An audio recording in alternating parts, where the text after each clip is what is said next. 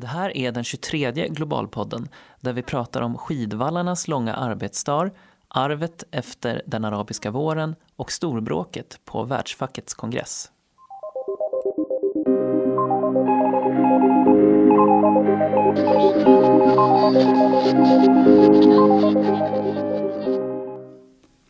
Hej och välkomna tillbaka till Globalpodden eh, som är Arbetet Globals podd där vi pratar om utrikesfrågor. Eh, jag som sitter här heter Kim Nilsson och är webbredaktör på Arbetet och bredvid mig så sitter Erik Larsson och Ivar Andersen som är reporter och redaktörer för Arbetet Global.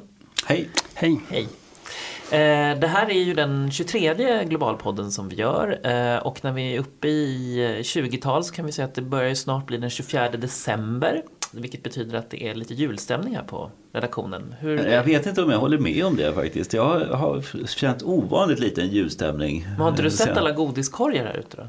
Ja, jo, de har jag på det sättet märks det. Men jag tycker liksom... Och jag vill minnas att du och jag var på glöggmingel senast ja, igår. Bara utifall att du glömt. Eh, jag ja, jag minns det också. Men ja. Eh, jag tycker ändå att det har varit den här riktiga julstämningen har liksom inte riktigt infunnit sig ännu. Liksom så här, utan det... Är det för att det är snön har smält här ute? Eller är det... Eh, jag tror inte vi ska psykologisera mer än så här. Men jag vet inte, hur känner ni? Liksom det, det har varit ganska mycket rätt in i kaklet. Det är så otroligt mycket som har hänt mm, i, i världen. Det är mer så. Liksom, så ja.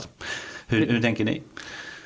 Ja, men, men vi, som vi sa här, eh, det, har ju, det kom ju tidigare lite snö till och med här i Stockholm och det var till och med snö lite här i innerstan. Men eh, det har ju kanske börjat eh, smälta bort lite grann. Men snö är ju för mig väldigt mycket jul och så är det ju en annan stort intresse vilket är längdskidåkning. Det är inte att jag åker längdskidor själv, det är jättedålig på.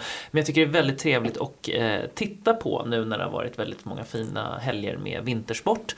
Eh, och jag pratat lite om det där med att liksom, eh, de här idrottarna har, de gör ju otroliga prestationer men för att de ska kunna göra de här prestationerna så finns det ju några som står och vallar deras skidor. Och jag såg något reportage på SVT Sport om att hur de egentligen jobbar. Vi har ju pratat om folk som har Aha, du är inne på arbetarnas ja, men lite villkor. Sådär. Sen, är, okay. sen förstår jag ju att det här är ju inför vissa specifika tävlingar men det är ju helt sjukt. Alltså, de går ju upp typ mitt i natten för att försöka få fram då rätt struktur på skidorna så att det blir bra vallat. Liksom. Och sen när tävlingarna är över då måste de ju hålla på fixa inför nästa dag. Så det måste bli väldigt, väldigt långa arbetsdagar. Så att, Tror du att de eh, får OB-tillägg eller?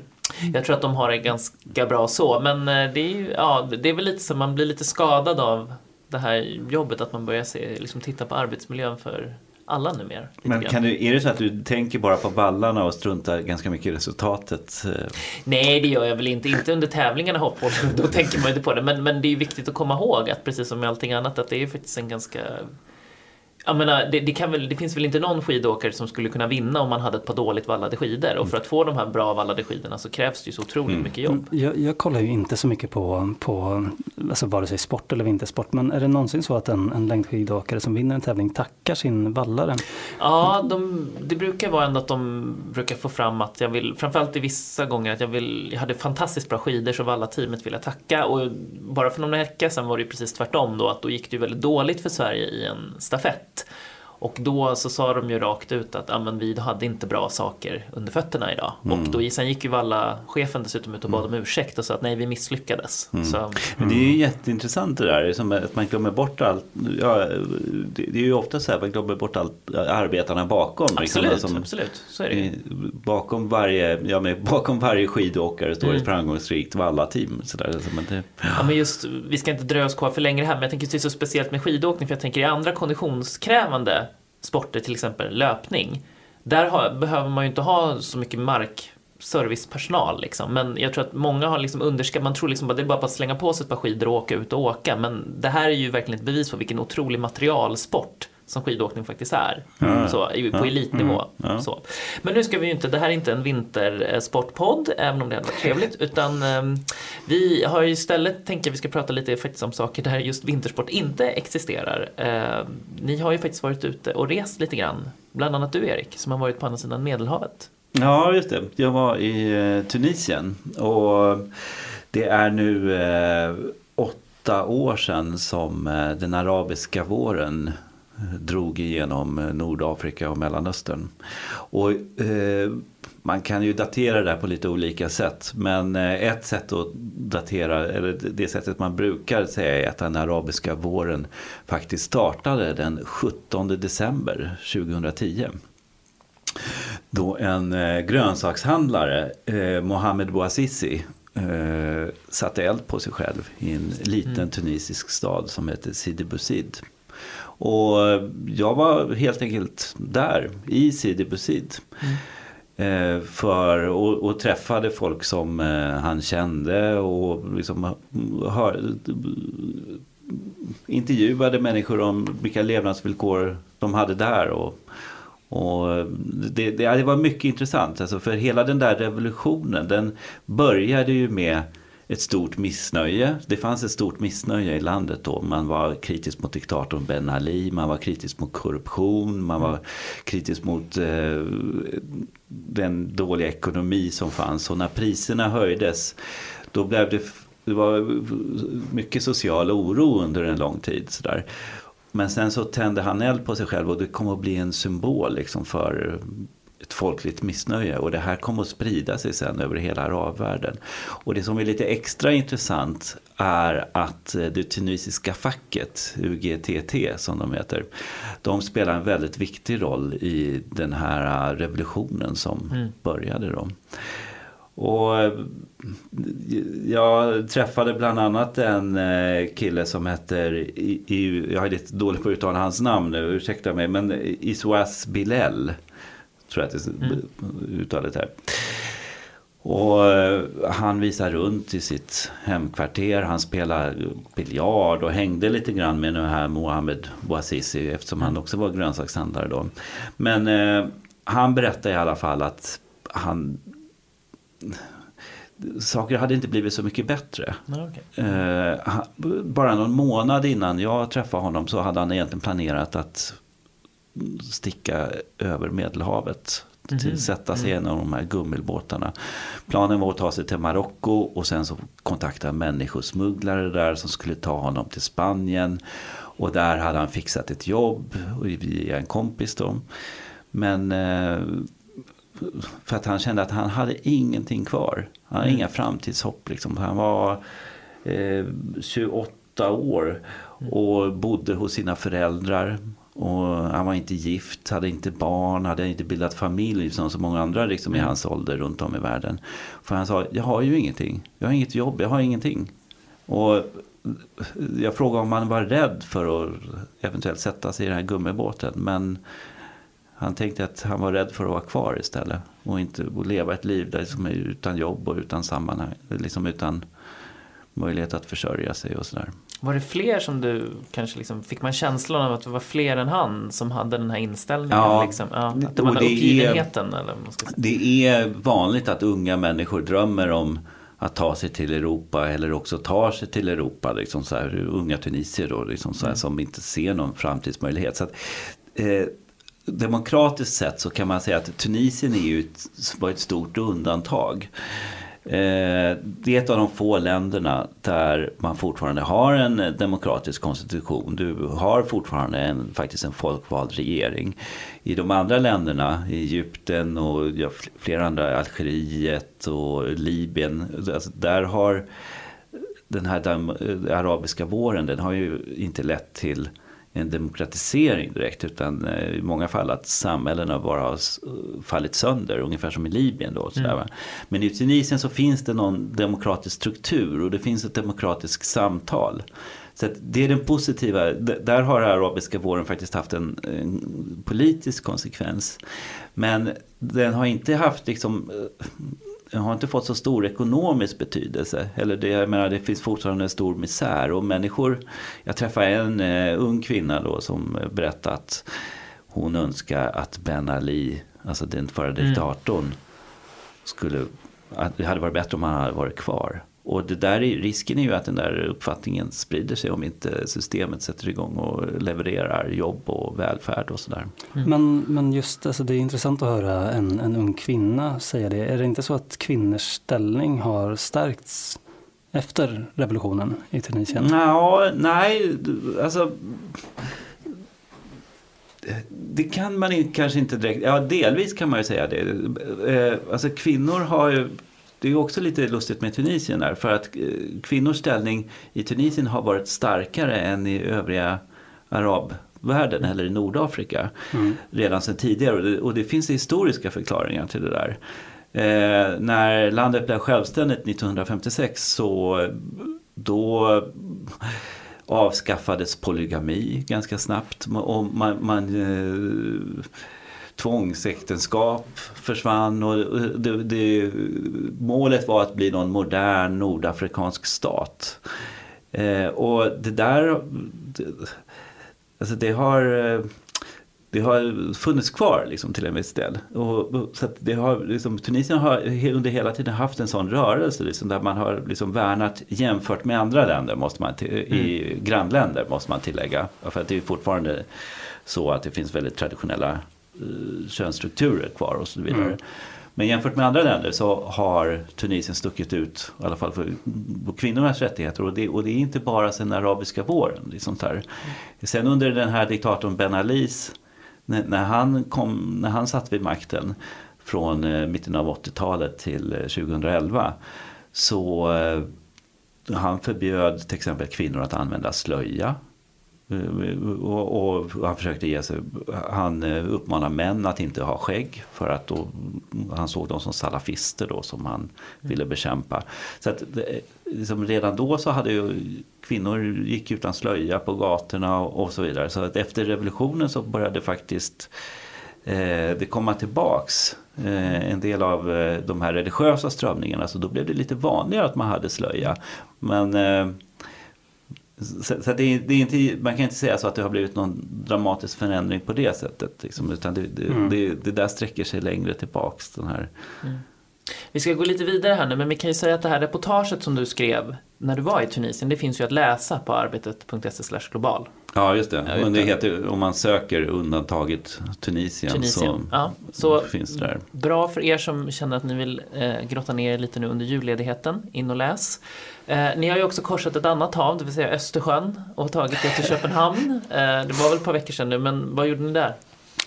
Där hade världsfacket ITUC kongress. Um, och det var, det var danska LO och FTF som stod värd för det. Så det var omkring 1200 delegater från... Mm. Svenska, svenskarna var också lite gästvärda. Ja, ja, precis. Svenskarna hade en, en, en afton också. De ville också vara vara med på värdskapet. Men omkring 1200 delegater från, mm. från över hela världen. Vi fick aldrig reda på riktigt hur många länder som var representerade men, um, men över 130 kom Men vi fram ni verkar ju ha varit lite av en snackis bland de här då 1200 delegaterna eftersom ni hade ju nästan lyckats orsaka något form av storbråk innan ja, kongressen. Ni måste berätta. Det är ju lite här, jobbigt ja. när det är medierna som är nyheten mm. ibland kan man ju känna. Men, ja. Ska du berätta Ivar? Eller? Eh, ja, det, det, kan jag göra. Det var ju um, det, det var parallellt med att det kan bli lite jobbigt så var det också ganska intressant för att jag hade, jag hade verkligen inte förväntat mig att vi skulle råka röra upp känslor på det här viset. Det var ju så att under den här kongressen så, så skulle ITUC välja generalsekreterare och den sittande generalsekreteraren Sharon Burrow som då ja, är från Australien, har en bakgrund inom lärarfacket där. Hon utmanades av eh, en italiensk kandidat, Susanna Camusso, som är ordförande för Segil eller CGIL, hur man nu uttalar det. Och vi, vi skrev helt enkelt en, en ganska liksom ordinär valbevakning. Det här är kandidaterna, mm. det här vill kandidaterna det här är argumenten som förs fram för respektive emot dem. Och kanske borde vi ha anat att det här var lite känsligt för att något vi stötte på var att, att oavsett vem vi ringde så, så ville, insisterade människor på att uttala sig anonymt. Um, så kan det ju vara ibland och, och det är klart att, liksom att, att, ett sånt här val kan vara känsligt i en, i en organisation. Men um, men vi, vi använde de här anonyma källorna och vi arbetade enligt alla vedertagna liksom, principer för att, för att styrka mm. uttalanden. Men sen så i sista instans är det också så att om, om någon säger någonting så är det Även om källan är anonym så är det ett påstående. Du kan ju inte så att säga faktagranska en åsikt. Nej. Men de här åsikterna som fördes fram, de väckte väldigt stor upprördhet från, mm. från bägge håll. Och det blev en, en, eh, en mindre Twitterstorm mot Arbetet Global där vi anklagades för att sprida fake news om, om den ja, internationella fackföreningsrörelsen. Mm. Ja, men... Eh, Hur gick det då? Ja, alltså det första vi gjorde när vi kom ner det var ju att intervjua de här två två eh, kandidaterna, mm. Sharon Barrow och Susanna Camusa. Då. Och de ställde ju upp båda två utan problem vad jag förstår. Ja, ja eh, absolut. Mm. Det, det, gjorde de. Och, ja, det, det, det är lite märkligt att förstå liksom ibland hur... Mm. Men, men det, var, det var ju många heta känslor och det var, det var hett även i talarstolen. Och jag tror liksom när... Eh, att det började lugna ner sig. Eh, ja, det, liksom, det var ju mitt i stridens hetta liksom så här, och sen så kommer en artikel som, eh, alltså vi, vi, säger ju, vi tar ju fram även negativa ja, saker, kritiska, ja, kritiska ja. saker om mm. båda kandidaterna och då blir det ju lätt att skjuta budbäraren helt enkelt. Susanna Camuso och hennes valkampanj hade också skickat ett eh, protestbrev till tidningen. Mm. Um, och um, Ja, de var då upprörda över, över den kritik gentemot hennes kandidatur som, som hade förts fram. Mm. Och över vissa ordval som vi hade använt som de menade liksom ekade av den här kritiken. Och ja, vi, vi, vi tyckte ju kanske att det var en smula anmärkningsvärt att de, de ville lägga sig i på den typen av detaljnivå vad vi rapporterar. Uh, samtidigt så tog vi upp det här med Susanna Camuso mm. under, under intervjun. Och det var, det var ändå, den, den finns också publicerad på Arbetet Global, mm. inklusive då hennes svar. Mm. Och hon backade väl något kan man säga. Men det var, det var intressant att se, det, det jag tänker att man kan liksom kanske lära sig, eller det som man kan se av det här, att det var ju som, som Erik sa en, en ganska het strid ändå. Och på sätt och vis ganska infekterad. Och hela den här striden fördes liksom på något sätt um, men, i slutna rum eller liksom bakom någon slags ridå. Det var inte så mycket öppen debatt? Nej, så, nej. Alltså, utan det var några, det var, det var en dag där på kongressen när en rad talare gick ut och gick upp och uttryckte stöd för sina respektive kandidater. Men i övrigt så fördes liksom den här debatten under bordet på något sätt. Man har liksom inte de forumen för att opinionsbilda Nej. eller för att liksom gå ut och, och, förklara vad man vill göra med världsfacket. Så det blev väldigt mycket, väldigt mycket, det här rörde ju inte bara oss utan hela kongressen, det väldigt mycket rykten, mm. väldigt mycket skitsnack, mm. väldigt mycket tala bakom ryggen på varandra. Mm. Och det är ju någonting som ITUC framöver såklart kommer behöva titta på. Mm. Ja, det blev ju otroligt jämnt. Sharon Barrow vann ju. Alltså, ja, jag sittande... vi måste säga vem som vann och det ja, var ju Sharon Barrow. Ja. Mm. Eh, men det var ju, om, jag tror att det var 58-48 procent eller mm. någonting sånt. Så att det, det, finns ju en hel del uh, sår att uh, läka efter en sån här konflikt. Uh, jag tänkte bara säga en sak också. Vi hade ju faktiskt ett lite faktafel i, i den första ursprungliga versionen som vi korrigerar sen. Mm. Eh, så det, och det var ju lite pinsamt liksom så för för vår del. Men det var ju liksom inte av, ja, det korrigerades snabbt mm. och sådär. Liksom, så, så det... Och vi ska kanske säga också att de, de svenska representanterna de röstade väl för hon, hon som vann, Sharon Barrow. Exakt. Att de la sina röster på... Ja. Och det, det kom ju att eh, konflikten kom ju liksom mycket att bli mellan olika språkområden. Alltså mm. de nordiska facken stod på samma sida. Mm. Eh, Medan eh, spansktalande fack och italienska fack de stod på utmanarens sida. Liksom, mm. sådär. Eh, så att eh, det, finns en utmaning här också på det sättet. Liksom så här, för att det finns olika, det hade varit lättare om det hade varit ja, men Sverige hade röstat på ett sätt och Norge på ett mm, sätt. Liksom, ja, mm. För det hade, inte bara, det hade inte blivit lika eh, starka mm. eh, allianser nej. på något sätt. Men, men nu är det så liksom att eh, mm. det, det, det, finns en splittring liksom mellan olika språkområden. Ja, men absolut, man, man, kan ju se att man såg en slags lingvistisk blockpolitik i, i världsfacket. Och det, är ju, det här är ju det är ju lite upp till bevis för Sharon Burrow nu. För det var ju också så att alltså, huvudanklagelsen mot henne och, och utmanarens så att säga linje var att Sharon Burrow stod för toppstyre.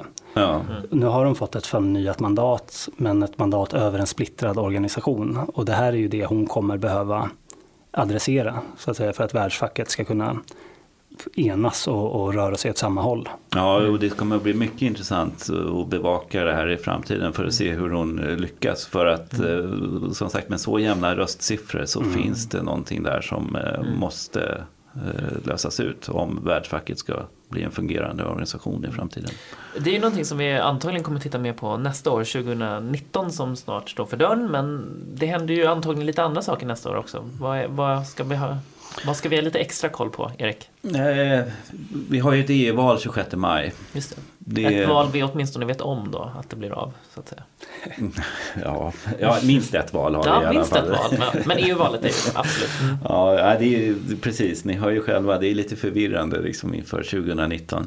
Mm. Och eh, jag tycker inte att Brexit är särskilt klart heller vad som kommer att hända där. Mm. Det, alltså, där är, det kommer ju att påverka väldigt mycket liksom mm. av, eh, av eh, Ja, för det, känns, det är också en sån där grej som man har, ja, visst, man har pratat så länge om det. Men nu kommer det väl antagligen bli ändå på något sätt verklighet i någon form. Eh, och det kom kanske. ja, jag skulle säga ändå, kanske ja. eftersom det finns ju faktiskt, man pratar om att man ska utträda i slutet av mars helt mm. enkelt, så här, Storbritannien. Det. Men eh, det finns faktiskt vissa möjligheter, eventuellt ja. måste tilläggas, mm. att man kan skjuta upp utträdet i tre månader med hänvisning till att det råder konstitutionell osäkerhet mm. och sådär. Men, men alltså, det är det är väldigt oklart vad allting kommer att hända. Det är svårt att skjuta upp det på obestämd tid i alla fall kan man ju säga. Ja. Sen vissa andra saker är väl att man börjar se att eh, konflikten i Syrien börjar klinga av mm. till viss del. Mm. Och det här kommer ju också få eh, konsekvenser då, liksom så här hur eh, jag tänker på antalet flyktingar mm. och, och så vidare. Alltså Syrienkonflikten är ju, har ju påverkat många saker mm. som man kanske inte riktigt tänker på. Eh, förutom de hemskheterna som begås där. Och, så, mm. och ekonomiskt kan man väl prata om att eh, världen eh, ja, den högkonjunktur som eh, vi har, har sett de senaste åren ser ut liksom att börja eh, klinga av i alla fall kan man säga. Mm. Så det blir också en arbetsmarknadsfråga. Sen är jag väldigt nyfiken på hur Bolsonaro, alltså Brasiliens mm. nyvalda president, kommer att agera i flera olika frågor. Bland annat som rör den brasilianska fackföreningsrörelsen och man kommer att göra med arbetsmarknadslagstiftningar. Och eh, jag är också mycket intresserad av hur eh, den mexikans, nyvalda mexikanska presidenten kommer att mm. agera. Han har ju suttit nu ett tag men eh, ja, ja, sen i juli tror jag det var val. Mm. Juni eller juli. Ja, nu blir jag lite mm. i slutet av juni mm. tror jag det var. Eh, ja, det finns mycket att se och titta på nästa år i alla fall. Vi ska börja, eh, vi ska börja avrunda lite här nu men eh, vi kör lite, eh, som vi brukar göra i slutet, så kör vi lite, eh, en annan ingång. Vi vill säga vi kör, eh, vi delar ut lite julklappar då eftersom det är jultema på den här podden. Och då tänkte jag att ni får svara ganska snabbt och kort motiverat vem ni skulle vilja ge en eh, charmkurs till bland världens ledare. Ja, alltså det, det är ju såklart Michael O'Leary som han utsågs till världens sämsta chef av, på, på, värld, på Världsfackets ja. ITUX-kongress i Köpenhamn. Alltså, man har ju en del att jobba efter den utnämningen. Liksom så här. Och anledningen till att han utsågs till dålig chef det är ju villkoren då för anställda på Ryanair helt enkelt. Där. Mm. Och, eh, ja. En charmkurs och en kollektivavtalkurs kanske. Eh, en hård klapp det finns ju flera kandidater som skulle kunna få en sån, en sån julklapp faktiskt. Ehm, vi har Bolsonaro som Erik nämnde, vi har, vi har fortfarande Trump i USA, Duterte i Filippinerna, Hun Sen i Kambodja. Ehm, det, det, det, finns många som förtjänar den. Jag, jag tror kanske att jag personligen skulle... Vad är en hård klapp för det första? ja, alltså det, kan ju, det, kan ju, det kan ju tolkas på flera sätt. Um, jag tänker mig att det kanske är någon form av strikt reprimand. Mm, ja. Och jag tänker mig att de utomrättsliga avrättningarna i, i Filippinerna, där vi mm. pratar tiotusentals döda i narkotikakriget, det, det kan vara värt en hård klapp kanske. Så mm. jag skickar den till Duterte. En tapperhetsmedalj.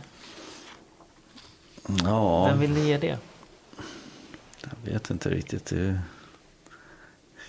Eh, kanske Theodora del Carmen, Vask. Het, eh, i, eh, som har... Eh, är det hon som har...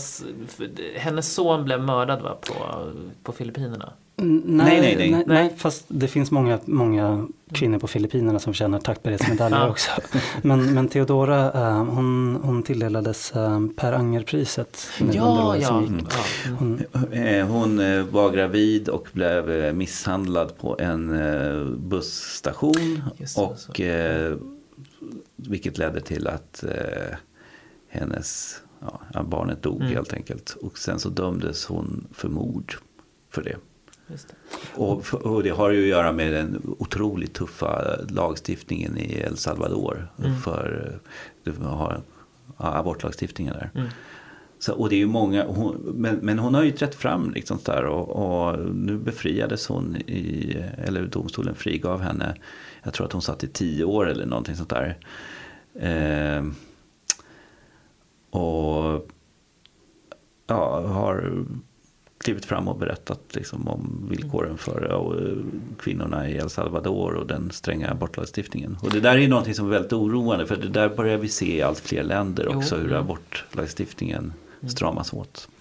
Ja, verkligen en person som är värd en tapperhetsmedalj. Så det är väl en mm. tapper insats. Verkligen. En, en, en chokladask då? Mm, vi... Um vi, vi publicerade nyligen ett reportage om eh, kakaobönder i Ghana som jag tyckte var väldigt spännande. Um, jag menar, det, det räcker ju med att titta på alla godiskorgar här på redaktionen för att förstå att choklad är en stor industri. Men det är alltså en industri som omsätter omkring 100 miljarder kronor om året. Men de här eh, lantbrukarna då i Ghana lever ju på i, i det närmaste existensminimum. Och det här fick jag lära mig genom det här reportaget. Extremt ovanligt att de själva har smakat choklad. Det är liksom en, en lyxprodukt som inte finns mm. inom ramen för deras ekonomiska förväntningshorisont. Mm. Så jag tycker att um, ja, de, de kakaobönderna som vi fick lära känna där, skulle, de skulle gärna få en chokladask av mig. Mm. Mycket bra val. Och till sist, vem ska få en kaktus? Ja, där tycker jag att jag, jag blev lite, för, kanske inte förvånad, men under det här COP24-mötet i Polen, mm. alltså klimatmötet i Polen. Så när det kliver fram en allians som består av USA, Ryssland, Saudiarabien, Kuwait och jag tror att det var något land till. Oman möjligt. Ja, jag låter det vara osagt. Eh, som eh, vill tona ner värdet av de vetenskapliga rapporterna som FNs klimatpanel lägger fram angående den globala uppvärmningen så förstår man ju att de gör det av ekonomiska skäl och kanske då också för att bevara jobb i sina hemländer. Men eh, ja, det, det... Det kanske inte tar klimathotet längre ifrån oss? Nej, Nej, jag har lite svårt att hålla mig still när jag tänker på det. Liksom så här, men det, alltså det, det, känns in, det känns ansvarslöst helt enkelt där, i en tid när man varnar om eh, global uppvärmning och man nästan säger liksom att vi kommer inte klara 2 mål eller 2 mm. graders målet och sådär. Så, så just den där alliansen i den här tiden, det är mycket oroande. Liksom. Så att en kaktus åt det hållet. Mm. Låter bra, tycker jag. Då ska vi avrunda för i år. Ja, tänkte jag faktiskt säga gott nytt år kanske? Vi säger både, jag tycker vi både säger god jul och så säger vi gott nytt år och på återseende 2019. Ja. Mm. Låter alldeles utmärkt. Ja. God jul! God jul! God jul!